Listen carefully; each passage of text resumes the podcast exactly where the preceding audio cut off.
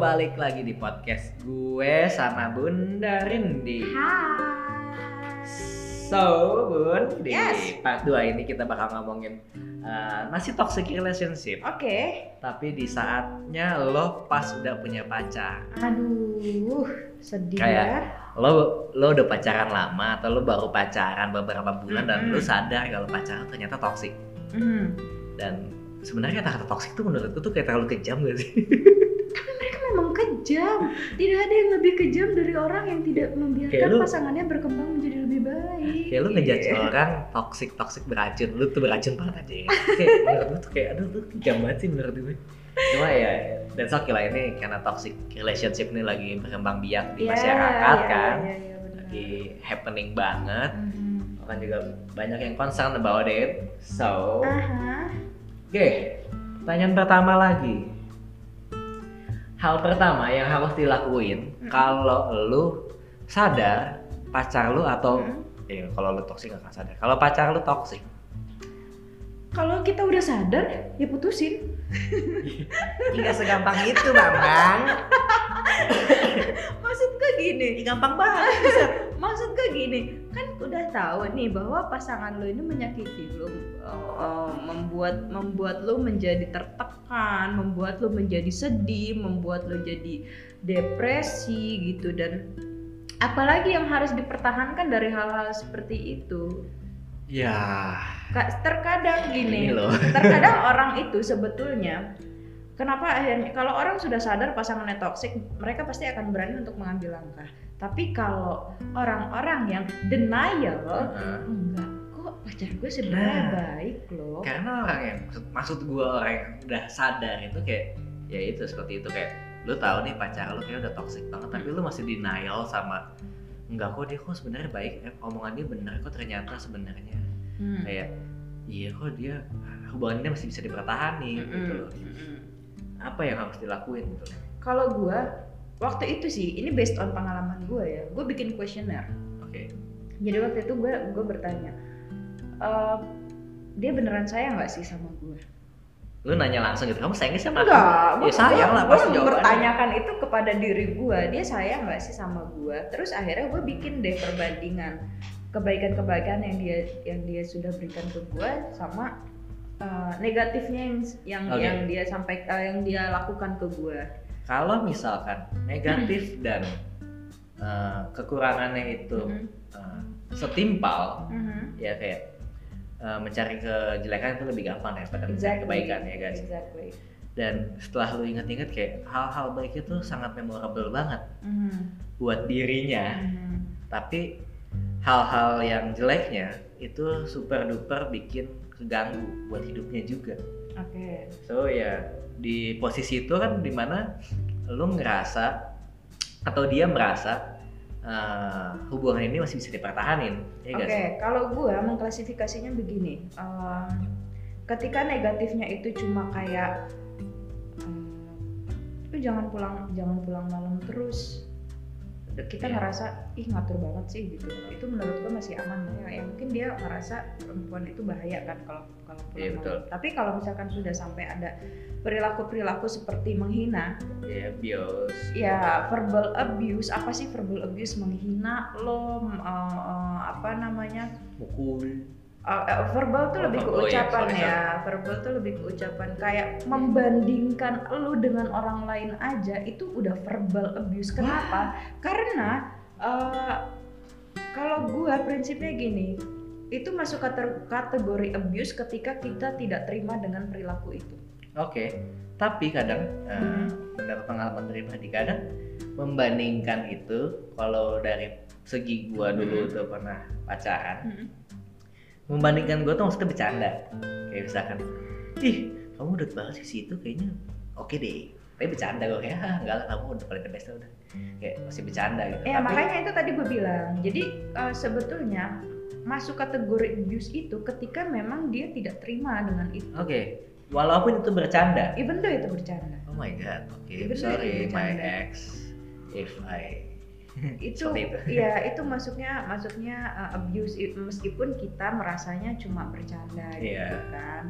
Terus kalau gue dulu ada beberapa pertanyaan yang yang Nah, gue pertanyakan sama diri gue sendiri ya mungkin ini bisa bisa kalau lo lagi lagi pacaran nih terus Iya. mengalami apa yang tadi kita sampaikan, lo bisa pertanyakan ini sama diri lo. Iya. gue akan ngerasa apakah pasangan gue menyayangi gue dan akhirnya gue bikin itu tadi baik dan buruknya. Terus apakah eh, pasangan gue membuat gue merasa aman dan nyaman Oke.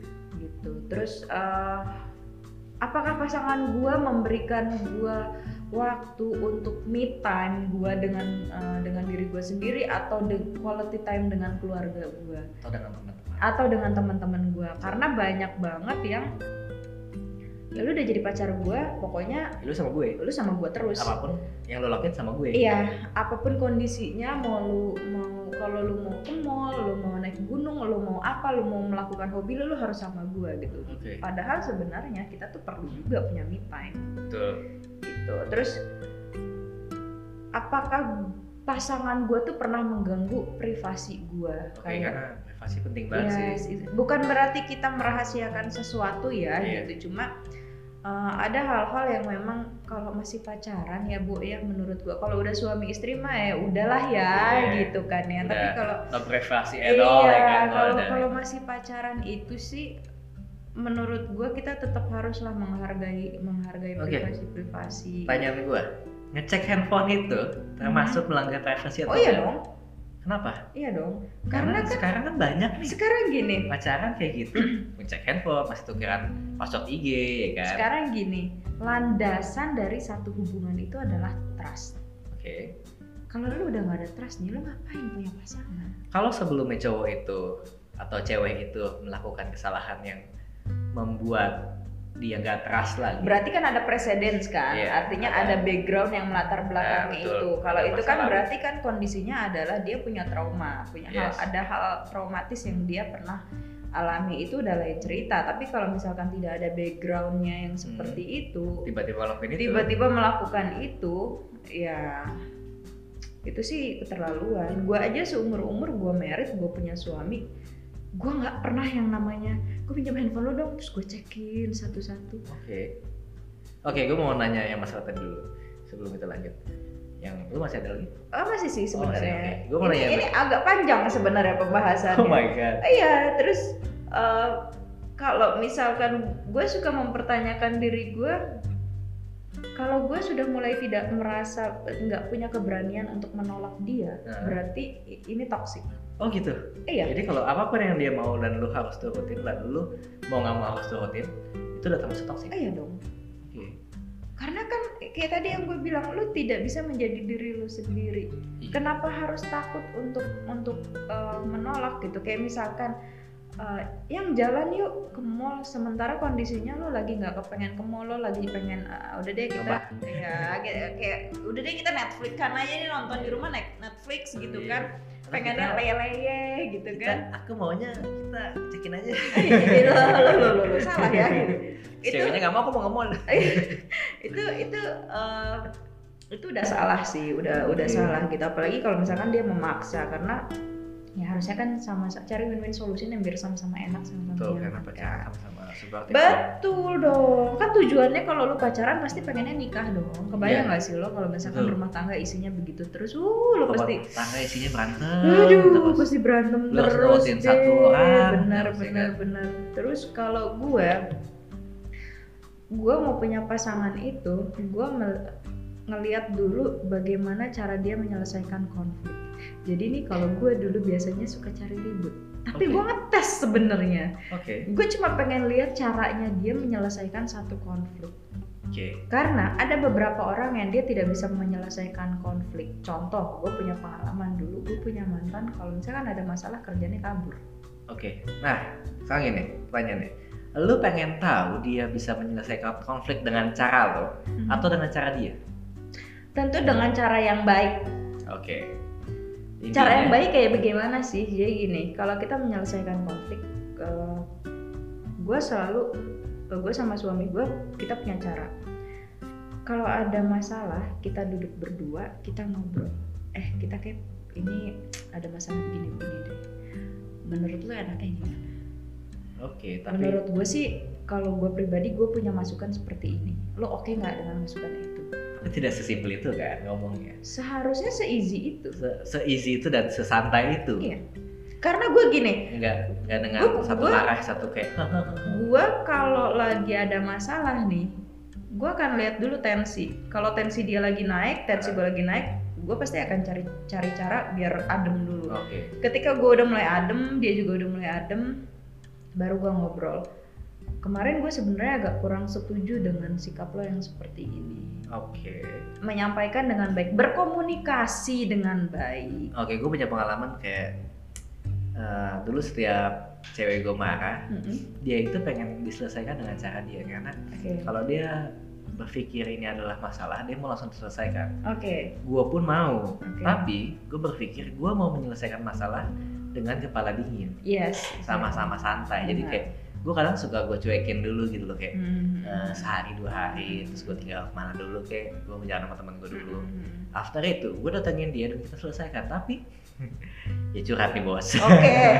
Silakan. tapi ya setiap gue dateng pasti dia selalu kemarin ke mana aja dan itu back to yang gue pikirin adalah gue datang di saat kita udah sama-sama baik maksudnya udah sama-sama tenang gitu loh Hmm. gue mau menyelesaikan dengan tenang tapi balik balik ketemu Hmm. dia dia masih tetap dengan api yang membara belum gue iniin Oke. menurut gue masalah seperti ini banyak orang gak gue doang banyak banget, banyak banget. dan cewek-cewek milenial sekarang pun banyak gitu. banget itu tadi ego ya makanya eh, dua ah, tiga hal yang yang bisa merusak hubungan dengan sangat cepat di luar perselingkuhan ya Hmm. yang pertama asumsi kedua ego ketiga trust issue itu Oke. kalau kalau tiga itu udah udah eh, hancur ya udah deh itu susah banget buat melanjutin that's why kalau gue dari awal pasti akan akan eh, berkomunikasi apa pun yang gue alami apa pun yang gue rasakan itu akan gue sampaikan ke pasangan gue gue kurang suka sih sebenarnya dengan cara lo seperti ini. Kalau gue salah ya gue minta maaf. Yes. Uh, intinya satu jangan pernah gengsi minta maaf. Mau cewek mau cowok manusia tuh pasti tempatnya Eh tapi kan cewek selalu benar. Oh, tidak. Siapa yang bilang wanita selalu benar? Gue perempuan gue berani ngomong perempuan sering salah. Yakin banget kenapa gue ngomong kayak gitu ya kan? Kan lu nggak nggak nggak purely perempuan. kata suami gue juga gitu. Gue sebenarnya agak meragukan sih keperempuanan lu katanya. Iya terus eh, eh, apa ya? Maksud gue gini. Kalau kalau gue punya punya istilah kalau kuku panjang yang Nah. dipotong tuh kukunya bukan tangannya oh iyalah pasti. Kok tangannya ya buntung. buntung kan? kalau lu punya masalah sama pasangan lu yang diselesaikan yang dipotong masalahnya bukan hubungannya Oke. Eh, menurut lo masalah yang selesai adalah masalah yang seperti apa? ketika dua-duanya sudah sama-sama bisa menerima oke Menerima. Tapi kalau di callback lagi, oh kalau begitu kan itu kalau selesai dong. iya itu berarti belum selesai menurut dia dan itu jadi problemnya dia sebetulnya. Kan Oke. kita udah punya kesepakatan udah selesai kan ngapain mesti dibahas lagi? Karena kalau gua gua selalu selalu apa ya punya kesepakatan dengan pasangan gua ketika kita sudah bahas ini. Mendingan kita bahas ini sampai pagi tapi selesai dibandingkan one day diungkit-ungkit lagi. Karena uh, move on lah. Kalau kita mundur di situ-situ terus nggak Ya maju-maju. maju betul. Ya. Oke. Eh, gue ada pertanyaan yang tadi. Mm-mm. Tapi menurut lo ini bakal bisa jadi eh, sesuatu yang panjang gak dibahas? apa tuh Kalau bisa, lo bilang kalau bisa emang ini emang beneran bisa jadi bahan yang panjang mungkin kita akan bahas di episode Oke. berikutnya. Tapi kalau emang bisa dipersingkat singkat dipersingkat. kita ngomongin di sini. Eh, yang tadi lo bilang, kalau misalkan Mm. eh, ngecek handphone tuh termasuk toxic, Mm-mm. tapi eh, si cewek atau si cowok punya masalah trust issue Mm-mm. tapi hubungan ini masih dilanjutin dan mereka masih berpikir oke ini hubungan masih bisa dilanjutin tapi yang namanya gelas kalau udah dipecahin gak akan bisa sama lagi. Yes, oke. Exactly. bagaimana menyatukan atau eh, membuat orang percaya atau menjalankan hubungan yang udah ada masalah trust issue? Oke, kalau gue mungkin untuk beberapa waktu lu lu akan full effort ya untuk Iya. memberikan pembuktian bahwa gue nggak seperti itu lagi loh mungkin gue pernah melakukan kesalahan but I promise it will be the last time Oke. dan itu memang lo pasti akan payah sih di di awal-awal bulan pertama, bulan kedua, bulan ketiga lo harus full kasih pengertian dan lo juga lo nya juga jangan macem-macem juga benar-benar kasih pembuktian bahwa ya udah biarkan dia mau ngeliat dia mau ngeliat handphone lo oke itu Hmm. bentuk lo uh, menunjukkan ke dia bahwa gue udah nggak kayak gitu lagi Oke, tapi sampai kapan? Sampai dia betul-betul percaya kalau kalau misalkan satu dua tiga bulan dia masih belum bisa percaya juga saran gue sih mending diakhiri buat apa Oke, jadi kayak lu udah pacaran lama. probation lah Oke, betul betul betul. Oke, jadi kayak misalkan, oke, oke kita hubungan ini masih bisa dilanjutin lagi, tapi lu gue kasih waktu probation. Oke, lo gue kasih probation tiga bulan ya. Kalau misalkan selama tiga bulan ini ternyata nggak oke, ya oke. sorry tuh saya gue harus cut out, uh, cut off Oke, lo. daripada hubungan yang Ya. berjalan tapi uh, masa lalu masih di Bener, nggak enak kan? Lo Masih masih nyeret bawa. nyeret nyeret masa lalu terus. betul betul betul, betul. Oke, tentukan pilihan. Oke. Di sini uh, quotes gue tentukan pilihan. Hmm. Eh, bagaimana cara kita menentukan pilihan? Kalau emang yang tadi udah oke, misalkan oke dia toxic Hmm. atau dia enggak, atau ini pacaran udah lama banget, Hmm. gue udah berpikir mau nikah, Hmm. atau dia udah berpikir mau nikah. Karena pilihan itu untuk mengakhiri itu sangat sulit, Iya. melanjutkan pun sulit. Betul. Kalau emang posisinya lu udah sadar kalau dia toxic, Betul. bagaimana mengambil keputusan itu? Oke, kalau misalkan kita udah sadar dia toksik, gue cuma punya saran, eh gue cuma punya apa ya, sedikit nasihat kali ya. Lo lebih baik sakit sekarang nih, Hmm. pahit sekarang, tapi ke sananya lo sehat. Oke, Dibandingkan nanti ketika lo udah married, dia masih toksik, yang kasihan anak lo. oke, Artinya lo nggak sayang sama anak lo. Ini banyak banget kejadian. eh, nanti juga kalau habis married dia berubah. Hmm. eh, Menurut gue sih bisa. lo, lo, lo bukan dukun yang nggak tahu Iya. masa depannya seperti apa ke depannya ya kan atau yang punya prinsip manusia itu pasti berubah betul manusia itu memang eh, pasti akan berubah gitu kan Iya. orang yang tadinya baru-baru nikah istrinya ke apa digigit nyamuk aja ya ampun sayang Iya. bisa begitu lu udah lima tahun nikah lebay lu cuma gigit nyamuk doang Iya. manusia pasti berubah gitu cuma sekarang kalau dia sudah ada bakat toksik Hmm. perubahannya itu pasti Sulit. akan makin parah Oke, karena nggak di- makin bagus. tidak karena karena dia merasa semakin memiliki Oke, dia merasa menang. Iya, self belongingnya kuat. Gua kan suami, lu harus nurut sama gua, lu harus ikutin maunya gua. Atau gua kan istri lo, Hmm. Lu harusnya dengerin gua dong. Gini gini gini gini. Dia self belongingnya akan semakin kuat dan itu lo akan semakin tersiksa. Makin pressure lo. Pressure lo makin banyak. tinggi di rumah lo pasti nanti hal kecil bisa jadi gede, ribut terus terusan. Belum lagi kalau misalkan ada anak, mereka nggak akan peduli mau berantem di depan anak kayak di depan mertua kayak di Iya. depan orang tua. Bukanlah, eh bukannya hal seperti itu malah memicu perselingkuhan, benar gak sih? Iya, sebenarnya kalau selingkuh sih nggak ada reason apa apa juga bisa selingkuh Iya sih sebenarnya. Cuma maksud gue gini, Kayak membutuhkan pelarian dari kayak daripada malas pulang ya kan? iya, Mending saya ngoyo. iya bener. Cuma maksud gue gini, kita tidak punya uh, kapasitas untuk merubah orang Oke, karena pacaran itu untuk menerima bukan berubah. Yes, exactly. Iya sih, Kalau menurut gue sih misalkan, kalau misalkan, uh, uh, ya suami gue perokok, Hmm. jangan merokok terus, kasihan paru-parunya, nanti lo sakit. Itu kan berubah hal yang baik. Iya, It's betul. okay gitu. Cuma kalau misalkan perubahannya lu malah jadi Buruk. jadi lebih buruk, jadi orang yang bahkan keluarga lu udah nggak kenal lo lagi, Itu nggak baik sih. Susah sih. Kamu mau pergi sama keluarga kamu nggak usah lah kan kamu udah janji pergi makan sama aku.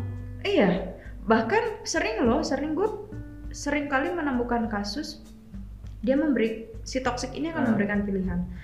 Kamu milih keluarga kamu apa aku? Oh my god. Exactly. Itu kalau milih kayak gitu bingung sih. Sebagai kalau gue sebagai suami dipilih kayak gitu lu bini gue ini keluarga gue kalau gue lahirin tapi lu udah pilihan gue gue harus pilih mana? Ya itu itu maksud maksud gue maksudnya jangan jangan sampai ketika lo menikah lo malah jadi semakin terjerumus Iya. jadi kalau bis kalau dari awal memang sudah ketahuan dan lo sudah sadar bahwa dia toksik memang lebih baik ditinggalkan kalau gue sih prinsipnya gini Ya, orang minum, saya orang minum obat itu kan pasti pahit ya iya tapi menyembuhkan iya daripada lo makan gula ending lo diabetes Eh, mati ya kan Hmm. Iya sih benar. Oke, ini pertanyaan terakhir. Kalau ada Mm-mm. teman kita di luar sana Mm-mm. atau pendengar atau sobat-sobat Mm-mm.